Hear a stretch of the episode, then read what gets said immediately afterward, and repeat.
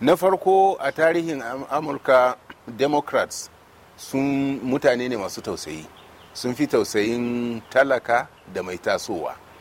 Kuma alakansu da afirka da ba ma najeriya kadai ba na alakan amurka kenan da afirka ya fi wanzuwa lokacin da 'yan democrat suke kan mulki. Karka manta shugaban america da ya fara zuwa najeriya a jimmy carter ne. Shi kuma mutumin democrat ne.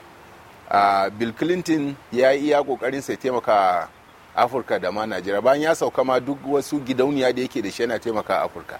Amma su republicans yawanci su uh, america ne farko a gabansu. Sannan kuma in ba kai mai ƙarfi ba ne kamar su su jari hujja ne na gani kashe ni. Sai sa'an su ne ake tafiya da shi. Ku sai dai ku bauta musu ku kara haɓaka arzikinsu. To idan uh, hillary ta ce za mu sa tsammanin kan cewa amurka za ta fi ƙoƙarin uh, da take wa afirka da najeriya da tausaya mana ta fannoni daban-daban. Idan shi kuma trump ne ya ci ya sha faɗi. Wayanda suke amerika ma bayan amerika ba ya ce zai kore su balle kai da baka cikin amerika. So idan kowanne sai ci dai ga dai inda suka fuskanta.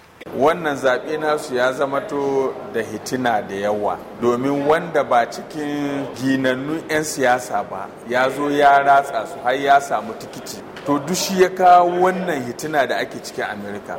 Kun ba shi ya kawo wannan hitina ba su amerika din ma sun ware gajiya da gwamnati. Shi ya sa donald trump da shigowar ya samu wani matsayi wanda yake yana ba waɗanda sun rigaya su daman siyasa ce aikinsu. Ya ba su tsoro da yawa. Domin shi abin da yake magana yana magana kawo canji ne. Irin canjin da amerika ba su taɓa gani ba. Daman su 'yan siyasa sun san abin da yasa suka ji. Haka ba za su yi girgiza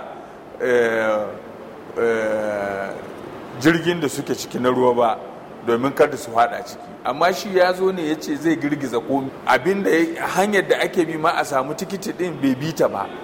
Dukansu ya yi hada da su ya yi hada da su ya duk ba wani su goma sha bakwai suka hada duka sai da ya gama da zagi da miye duka to bai shigo wajen yadda aka saba yi ba a kammale. So wannan zaɓe yana da ƙwarai a amerika